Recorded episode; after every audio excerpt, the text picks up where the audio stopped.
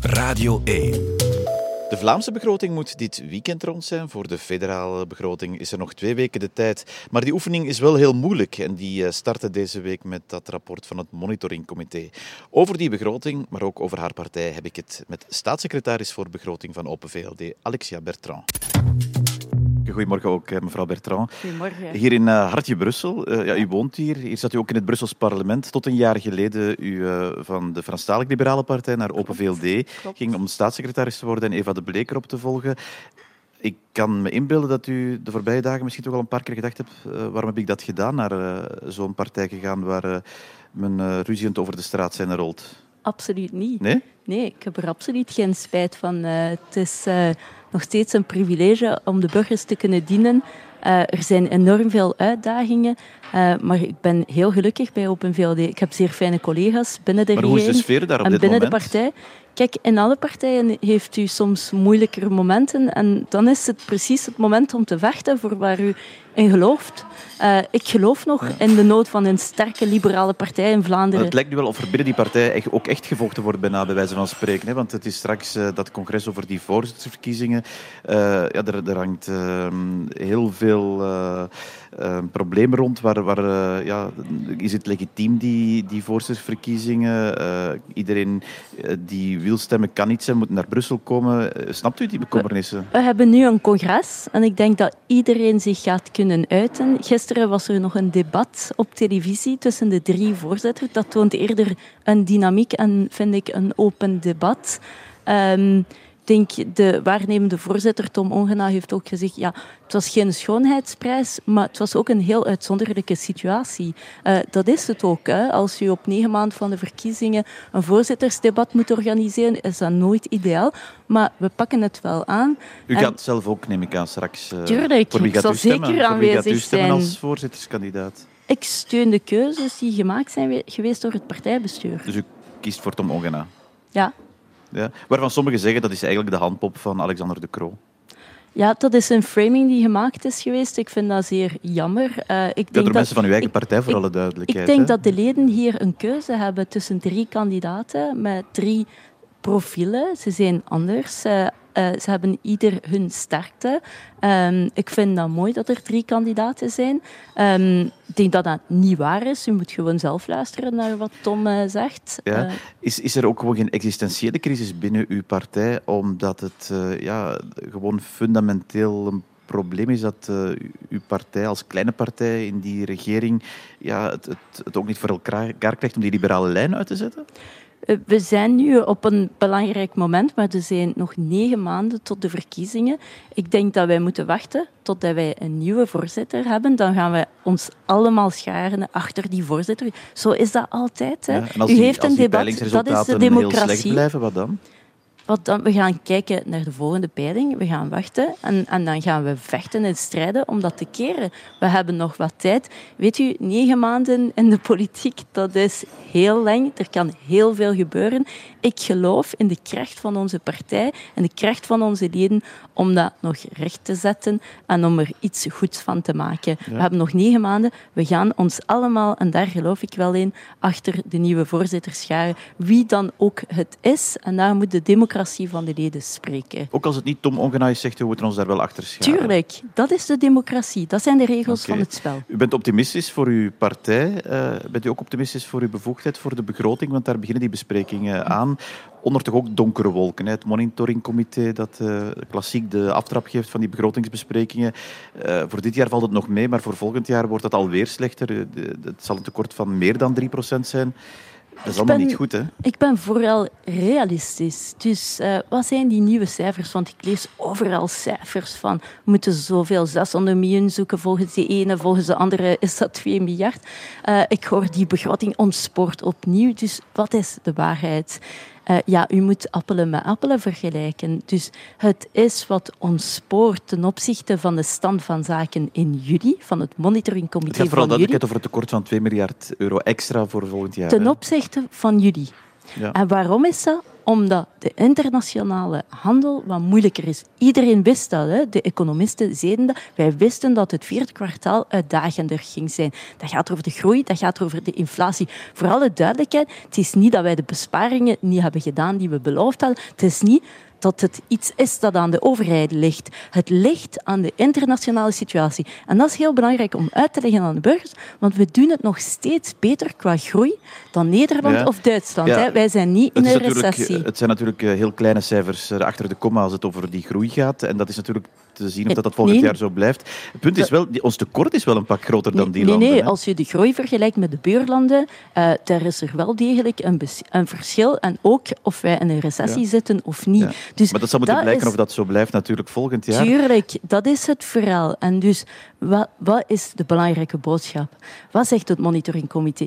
Dat ten opzichte van ons plan, dus wat wij hebben beloofd aan Europa, als wij blijven on track. Dus als wij onze inspanning blijven doen, dan zijn we on track. Het is niet dat dat ons sport is. Nee, dat betekent u, als wij doen dat dat tekort van meer dan 3 dat dat, dat, dat rooskleurig is. Dat, dat wat moeten wij doen? Uh, wij moeten tegen 2026 onder de drempel van 3% landen. Wij kunnen dat nog steeds waarmaken. Dat is wat dat maar moet dat vooral niet sneller en intenser gebeuren? Wij hebben een plan om dat stap voor stap te doen. En zo gaan we dat blijven doen. We kunnen hier, ik kan hier grote verhalen komen vertellen. Hè, van ja, we gaan ineens zo twee of drie miljard doen. Maar dat is niet geloofwaardig, dat is niet serieus. Wat hebben is het wij niet nodig? Nu... Vooral is het niet nodig. Wat hebben wij tot nu toe gedaan? We hebben dat stap voor stap aangepakt in tijden van crisis, in moeilijke tijden. En wij hebben dat stap voor stap gedaan, wat ons tot het einde van de legislatuur gaat brengen tot een inspanning, een besparing van 11 miljard euro. Dat is niet min. Kan het beter? Het kan altijd beter. Kan het sneller? Tuurlijk dat ik dat ga antwoorden als staatssecretaris voor begroting, als liberaal, als mama, als burger. Maar ik wil vooral iets serieus, realistisch en geloofwaardig doen. En het werk dat wij tot nu hebben gedaan, die is ernstig. En dat wordt bevestigd door de cijfers. Dat het wat minder goed is dan wat er gepland was in juli, is normaal. Dat ligt aan de groei, dat ligt aan macro-economische parameters. Dat ligt niet aan wat wij qua besparingen hebben gedaan. Dat deze legislatuur afsluit met een tekort van 3,1 procent, want dat zal het zijn. Onder, leiding van, ja, onder leiding van een liberale premier, dat dan kan u toch niet trots op zijn als liberale partij? Maar waar komen wij vandaan?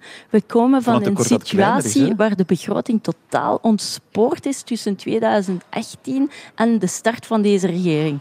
Omdat wij lange lopende zaken... Niet, niet zodanig groot, hè? Dat is ontspoord met meer dan 1 procent. Ja, maar het gaat nu over een tekort van 3 procent. Dat meer dan klopt, 3 procent. Maar uh, wij komen ook van een periode waar de federale overheid... Hè, ik zeg wel, de federale overheid geld op tafel heeft gelegd voor de burgers en de bedrijven en terecht om ze te beschermen in crisistijden. Ja, dat, dat, zegt u, dat zegt de premier ook, dat betwist en ook niemand. Nog? Maar wat, de vergrijzingskosten wegen ook zwaar. Ja, maar wat ik u wil voorleggen, in een van eh, de studies die een uh, econoom van KBC, dacht ik, daarover gemaakt heeft, wijst ook aan dat niet alleen die uitgaven verantwoordelijk Absoluut. zijn, dat het ook de uitgaven in sociale zekerheid zijn, die trouwens gewoon beleid zijn, dat beslissen in het regeerakkoord, dat meemaakt dat die begroting zo ontspoort. Dat zei ik net, dus dat gaat over de vergrijzingskosten. En als je kijkt naar de kosten van pensioenen, weten wij waar de uitdagingen zijn. Ze zijn enorm.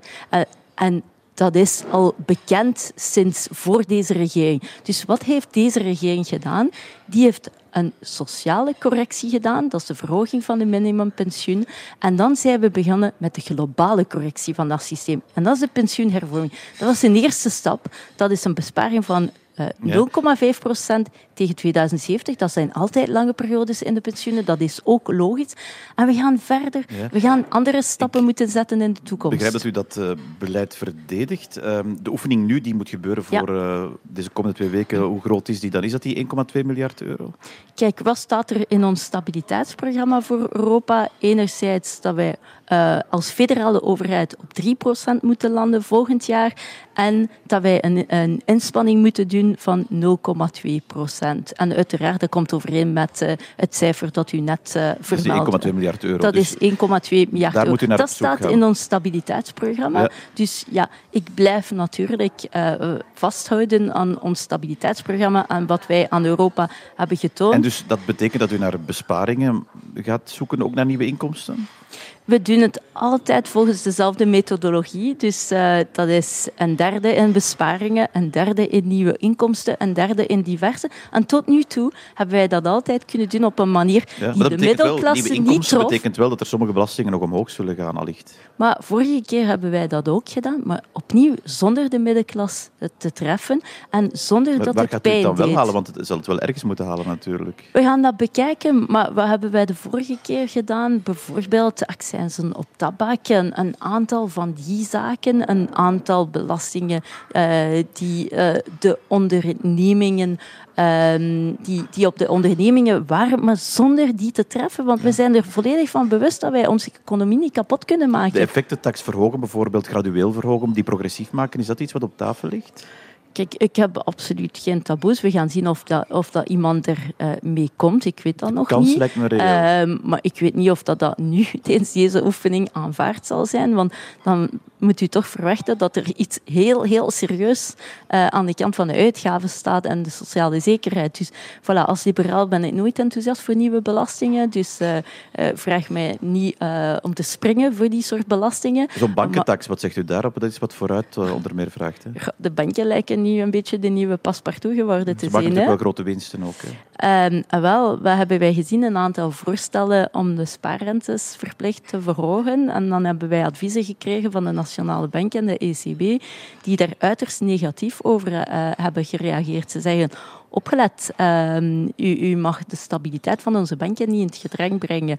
En dus wat hebben wij gedaan? We hebben getoond dat de markt wel werkt. De staatsbon heeft ook de, de concurrentie aangewakkerd. Dus ik denk dat het toont dat, dat de markt wel werkt. Maar zo'n tax, wat zegt en u daar dan? Ik zeg, uh, er bestaan al drie sectorspecifieke taxen voor de banken.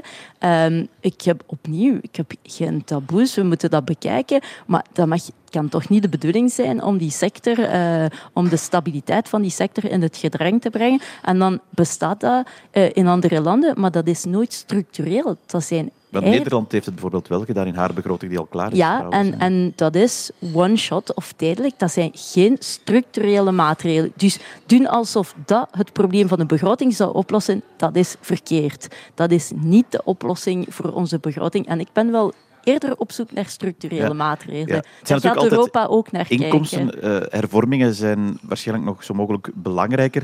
Het is in deze regering bijzonder moeilijk. U heeft nu wel naar dat eh, pensioenakkoord eh, Ja. verwezen, eh, arbeidsmarkthervormingen. De algemene conclusie is denk ik, het is wel heel beperkt allemaal gebleven deze legislatuur, omdat het waarschijnlijk niet evident is binnen zo'n meerderheid. Maar kijk, we hebben meer dan twee jaar crisissen gehad. En ja, dan bent u natuurlijk op die crisissen gefocust. Ik denk dat we ook moeten, moeten kunnen zeggen dat de koopkracht goed behouden is geweest. wat er toch positief was. Hè. En dat is ook de reden dat wij vandaag natuurlijk, niet in een recessie zijn. Hè. Wie spreekt over het feit dat wij stegen in die index van competitiviteit? Dat de netto jobcreatie gestegen is? Dat op vlak van innovatie wij opnieuw op het podium staan? Dus ja, daar zijn zaken waarover nooit gesproken Ja, wordt. maar goed, het is natuurlijk niet, enfin, het is niet omdat het een eh, gesproken wordt dat het andere niet telt. Die hervormingen, uw uh, Ik herken oud-voorzitter... altijd dat er uitdagingen Ja, zijn. ik, daar wil ik het even over hebben. Egbert Lachaert zegt in een heel interessant interview eh, met Raflikes in Humo vanmorgen wij, wij moeten als eh, Vlaamse partij, die eigenlijk over heel veel dingen min of meer hetzelfde zeggen, waar een, eh, een soort gemeenschappelijke grond is over langer werken, over andere dingen, wij moeten een, een front vormen bij de navolgende verkiezingen en dan eisen dat de PS eh, aan Waalse kant eh, daar, daarmee akkoord gaat. Wat vindt u van, van die opstelling van uw Eh, Ik oud-voorzitter? vind common ground gaan zoeken met de andere democratische partijen en met iedereen gaan spreken, dat vind ik heel gezond. Ja, maar het is om de PS te moeten- dwingen om dat te doen, zegt hij. Ik denk als wij kunnen blijven hervormen op socio-economisch vlak en uiteraard eh, iedereen aan boord te krijgen om te werken, eh, zodat meer mensen aan de slag zijn, zodat het verschil tussen werken en niet werken groter wordt, eh, zodat er meer langdurige zieken terug kunnen gaan werken en, en minder werklozen zijn. Ja, hoe, hoe kan ik er tegen zijn? Ik vind dat natuurlijk een, een heel goed idee. Oké, dat is eh, werk voor de komende twee weken. In alle Ja, geval, die begroting. U bent natuurlijk ook staatssecretaris voor Consumentenbescherming. Ja, dat is daar is er is zomaar heel wat te doen geweest over die bandjes op festivals, waar Ja. mensen moesten betalen om het geld dat er nog op stond stond, om dat terug te krijgen. Daar wil ik toch iets over vragen, want daar is door de economische inspectie denk ik naar gekeken. Ja. En die vinden dat blijkbaar geen probleem dat dat geld moet betaald worden. het onderzoek is nog niet gefinaliseerd, dus mm ze moeten nog met de conclusies komen. Ehm, en uh, ik ga daar geen grote uitspraken over maken, maar ik hoor dat er geen indicaties zijn dat, er, dat het buiten proportie zou zijn. Uh, dat dat mag, bij andere woorden.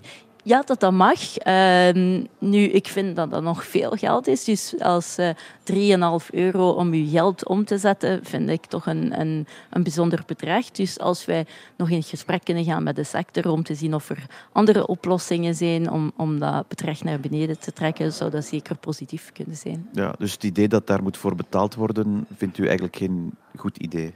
Dat er een, een kleine kost is, uh, ja, dat kan ik absoluut begrijpen. Maar het gaat natuurlijk over de hoogte van het bedrag. En uh, ja, som, sommigen vragen wel uh, veel om dat te doen. Dus ja, het is altijd een kwestie van evenwicht en proportie. Ja, maar als de economische inspectie zegt het is, het is geen punt, die 3,5 euro. Goed, dan, dan ja, ik neem daar akte van. Ik vind dat al goed.